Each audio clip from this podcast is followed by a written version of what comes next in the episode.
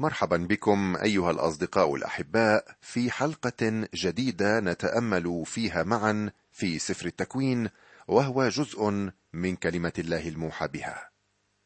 هل أنت سعيد بكلمة الله يا أخي؟ هل تبهجك الكنوز التي نستخرجها منها؟ أرجو ذلك. هذا هو الهدف من برنامجنا كنوز الحكمة أن نغوص في أعماق كلمة الله باحثين عن اللآلئ كثيرة الثمن التي ذخرها الله لنا. كم أنا سعيد بمرافقتك لي بل وفي استقبالك لي كل يوم من الاثنين وحتى الجمعة مصليا أن نقضي معا وقتا ممتعا مفيدا. بدأنا الحديث المرة الماضية عن خلق العالم. قلنا أن الله أوجد العالم من العدم قبل بلايين السنين. ثم أصبحت الأرض خاربة وخالية بسبب كارثة ما حصلت لها لا نعرف الكثير عنها ربما تتعلق بسقوط الشيطان. ثم بدأنا نتأمل في الأيام الستة التي فيها تمت إعادة تنظيم الأرض وإعدادها مسكونة للإنسان. لم يخلق الأرض من العدم في هذه الأيام الستة بل أعاد خلقها أو رتبها ليستوطنها الإنسان. قلنا أنها أيام حرفية عادية مكونة من 24 ساعة وليست حقبات دهرية طويلة المدى كما يدعي البعض. وقلنا أيضا أن الأربعة أيام الأولى عبارة عن تأسيس وتثبيت لظروف الحياة إلى أن تأتي الحياة نفسها في اليومين الخامس والسادس حيث خلق الله الحيوانات ثم خلق الإنسان على صورته كشبهه وميزه عن باقي المخلوقات.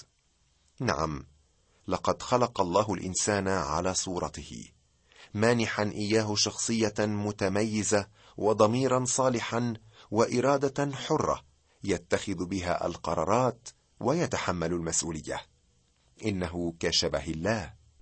ثم بدأنا التأمل في الأصحاح الثاني بالحديث عن اليوم السابع الذي فيه استراح الله من عمل الخليقة. وقلنا إن الله عمل الخليقه في ستة أيام واستراح في اليوم السابع بمعنى أنه أتم العمل ولم يبقى شيء للعمل ولا يعني أن الله تعب من العمل. يقول موسى في العدد الرابع من الأصحاح الثاني من التكوين وحتى العدد الخامس والعشرين هذه مبادئ السماوات والأرض حين خلقت. يوم عمل الرب الإله الأرض والسماوات كل شجر البرية لم يكن بعد في الأرض وكل عشب البرية لم ينبت بعد لأن الرب الإله لم يكن قد أمطر على الأرض ولا كان إنسان ليعمل الأرض. ثم كان ضباب يطلع من الأرض ويسقي كل وجه الأرض. وجبل الرب الإله آدم ترابا من الأرض ونفخ في أنفه نسمة حياة. فصار آدم نفسا حية وغرس الرب الإله جنة في عدن شرقا ووضع هناك آدم الذي جبله وأنبت الرب الإله من الأرض كل شجرة شهية للنظر وجيدة للأكل وشجرة الحياة في وسط الجنة وشجرة معرفة الخير والشر.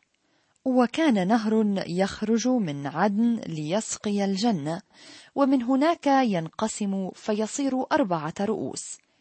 اسم الواحد فيشون وهو المحيط بجميع أرض الحويلة حيث الذهب وذهب تلك الأرض جيد. هناك المقل وحجر الجزع واسم النهر الثاني جيحون وهو المحيط بجميع أرض كوش. واسم النهر الثالث حداقل وهو الجاري شرقي أشور والنهر الرابع الفرات. وأخذ الرب الإله آدم ووضعه في جنة عدن ليعملها ويحفظها.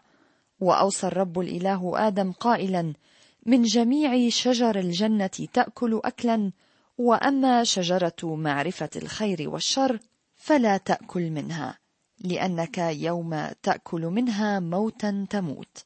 وقال الرب الإله ليس جيدا أن يكون آدم وحده فأصنع له معينا نظيره. وجبل الرب الإله من الأرض كل حيوانات البرية وكل طيور السماء فأحضرها إلى آدم ليرى ماذا يدعوها. وكل ما دعا به آدم ذات نفس حية فهو اسمها.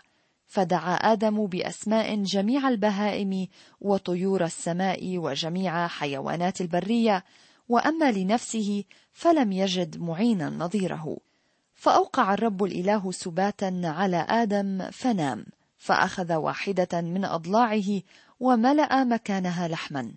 وبنى الرب الإله الضلع التي أخذها من آدم امرأة وأحضرها إلى آدم. فقال آدم هذه الآن عظم من عظامي ولحم من لحمي. هذه تدعى امرأة لأنها من امرئ أخذت. لذلك يترك الرجل أباه وأمه ويلتصق بامرأته ويكونان جسدا واحدا. وكان كلاهما عريانين آدم وامرأته وهما لا يخجلان. شكرا يا ميسون. هذه مبادئ السماوات والأرض حين خلقت. يوم عمل الرب الإله الأرض والسماوات. في الواقع إن كلمة مبادئ هنا تعني في الأصل مواليد أو عائلات. فسفر التكوين ليس فقط كتاب البدايات بل وكتاب العائلات أيضا. وهنا تبدأ هذه الفقرة بنقطة جديدة وزاوية جديدة تمتد حتى نهاية الإصحاح الثالث. ثم يقول كل شجر البرية لم يكن بعد في الأرض وكل عشب البرية لم ينبت بعد. من هنا نرى كما قلت سابقا أن الله أعد البيئة المناسبة لاستقبال الإنسان. في الأصحاح الأول من التكوين رأينا كيف أن المادة خلقت من العدم. في البدء خلق الله السماوات والأرض. ثم يبدأ بالمادة العضوية في العدد الحادي والعشرين عندما خلق الله الحيوانات. لاحظ أن الله أوجد النباتات والأشجار كاملة النمو لأنه لم يكن مطر على الأرض ولم يكن إنسان ليعمل الأرض ويزرعها. الخطوة الثانية هي الإنسان. وجبل الرب الإله آدم ترابا من الأرض ونفخ في أنفه نسمة حياة فصار آدم نفسا حية. هذه هي الطريقة التي خلق بها الله الإنسان والكتاب لا يحكي لنا إلا هذا. ماديا أخذ الإنسان من تراب الأرض. من المثير أن نعرف أن أجسادنا مكونة من حوالي خمسة عشر عنصرا كيماويا. وهذه العناصر هي نفسها الموجودة في الأرض. نعم الجزء المادي من الإنسان أخذ من تراب الأرض. وفعليا لا قيمة مادية لهذا الجسد المكون من تلك العناصر الكيماوية. لهذا فإن الإنسان هو أكثر من مجرد مجموعة من العناصر. لماذا؟ لأن الله نفخ في أنفه نسمة حياة فصار آدم نفسا حية. لقد أعطى الله الإنسان الحياة الحياة الروحية. بكلمات أخرى أصبح الإنسان الآن في علاقة حميمة مع الله خالقه وله اتصال مع الله. هذا ما يفصل الإنسان عن باقي المخلوقات الموجودة في كون الله. ولكن هذا في الوقت ذاته زاد وضاعف من مسؤولية الإنسان. طبعا هناك أيضا الملائكة ولكننا لا نعرف إلا القليل عنهم. هل تذكر مستمعي العزيز ما يسمى بالتطور الإلهي؟ تلك النظرية التي تريد إرضاء التطور والله في نفس الوقت. يقول أتباع هذا المبدأ أن البشرية تطورت من مرحلة خلق الإنسان ثم ابتدأ الله عمله من نتاج التطور. ولكن لا يمكن لمبادئ التطور أن تجري على الإنسان فهي غير مقبولة للضمير ولا لشخصية الإنسان. من السهل جدا أن تأخذ عظام إنسان وتقارنها بعظام شبيه الإنسان كالقرد أو الحصان فهناك تشابه ساحق ولكن في الوقت ذاته هناك مفارقة عظيمة. والتشابه بين الإنسان والقرد يعزى لتواجد هذين الكائنين في نفس البيئة لذا فإن الهيكل العام يكون مشتركا. لو فرضنا أنك تفحص هيكل إحدى السيارات تويوتا مثلا وتقارنه مع سيارة من نوع فيات فإنك تجد تشابها مهولا حتى ولو قال صانعو السيارتين غير ذلك. كل سيارة تبدأ من هيكل حديدي متين مع قاعدة تربط الدواليب ببعض ومحرك يجعلها تمشي والسيارتان ستسيران على نفس الطريق. هناك تشابه كبير ولكن هذا لا يعني انهما خرجتا من نفس المصنع. لقد بالغ أصحاب التطور كثيرا في أصل الإنسان. كلا يا عزيزي الإنسان لم يأتي من خلية مهملة في أعماق البحار بل نفخ فيه الله نسمة حياة وأصبح نفسا حية. الإنسان مخلوق بشكل رائع لا تنس ذلك ابدا أرجوك. وغرس الرب الإله جنة في عدن شرقا ووضع هناك آدم الذي جبله. لا يمكنني أن أخبرك أين تقع جنة عدن بالتحديد. هي في مكان ما شرقي دجلة والفرات. لقد شاءت حكمة الله أن تحجب عنا مثل هذه التفصيلات التي إنما تشبع حب الاستطلاع عند البشر. وهي مكان خصب جدا حتى أنه يقال بأن الناس هناك كانوا يحصدون فقط ولا يزرعون شيئا. كل شيء كان جاهزا. ولربما في يوم ما ستصبح هذه المنطقة مركز الأرض مرة أخرى. ومعنى اسم عدن رضا أو مسرة. فلقد أعد الله كل ما يلزم لإسعاد الإنسان. وأنبت الرب الإله من الأرض كل شجرة شهية للنظر وجيده للأكل وشجرة الحياة في وسط الجنة وشجرة معرفة الخير والشر. الشجرتان المذكورتان هنا شجرة الحياة وشجرة معرفة الخير والشر عجيبتان جدا. لا يمكنني أن أخبرك الكثير عنهما مستمعي لأنه لا مثيل لهما اليوم. لقد كانت تلك العناصر خاصة بذلك الوقت. وقد عاشت لفترة وجيزة ثم لم تعد للإنسان بعد ذلك. لقد جعل الله الأشجار تنمو وتثمر وكانت حسنة المنظر وفي الوقت ذاته لذيذة الثمار. كان هناك الجمال من ناحية والجانب العملي من ناحية أخرى. نعم لابد وأن جنة عدن كانت مكانا رائعا في الجمال. وكان نهر يخرج من عدن ليسقي الجنة ومن هناك ينقسم فيصير أربعة رؤوس. اسم الواحد فيشون وهو المحيط بجميع أرض الحويلة حيث الذهب وذهب تلك الأرض جيد. هناك المقل وحجر الجزع. واسم النهر الثاني جيحون وهو المحيط بجميع أرض كوش. واسم النهر الثالث حداقل وهو الجاري شرقي أشور. والنهر الرابع الفرات. لاحظ أيضا هنا أن الوحي لم يذكر اسم النهر الذي كان يسقي الجنة إنما ذكر فقط أسماء رؤوسه الأربعة التي انقسم إليها بعد انتهاء خدمته المعينة وهي ري الجنة. اثنان منها معروفان جيدا وباقيان إلى يومنا الفرات ونهر حداقل الذي هو نهر دجلة. والمقل المذكور هنا هو نوع من الصمغ أما الجزع فهو من الأحجار الكريمة. مستمعي العزيز ولئن اختفى موقع الفردوس هذا جغرافيا ولئن مضت عدن بفردوسها ونهرها فقد بقي للإنسان فردوس في الأعالي يستعلن عند مجيء الرب الثاني. وأخذ الرب الإله آدم ووضعه في جنة عدن ليعملها ويحفظها.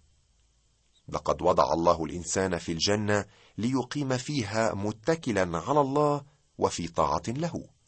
كما كان لهذا الإنسان سلطان وكانت قوى الطبيعة تطيعه. لقد جعله الله سيدا لكل ما أحاط به ولكن في خضوع لذاك الذي أوجده. وأوصى الرب الإله آدم قائلا من جميع شجر الجنة تأكل اكلا وأما شجرة معرفة الخير والشر فلا تأكل منها لأنك يوم تأكل منها موتا تموت. لم تكن خطة الله الأصلية للإنسان أن يموت ولكن الإنسان وضع الآن تحت الامتحان فهو حر الإرادة والامتياز عادة يولد مسؤولية عظمى هذا أمر بديهي. كان هذا قانونا لامتحان الطاعة الأمر الذي كان متوقعا من كائن مستقيم وفي أرض لم تسقط بعد. فهذا الإنسان حر الإرادة يجب أن يوضع تحت الامتحان لنرى هل يطيع الله أم لا.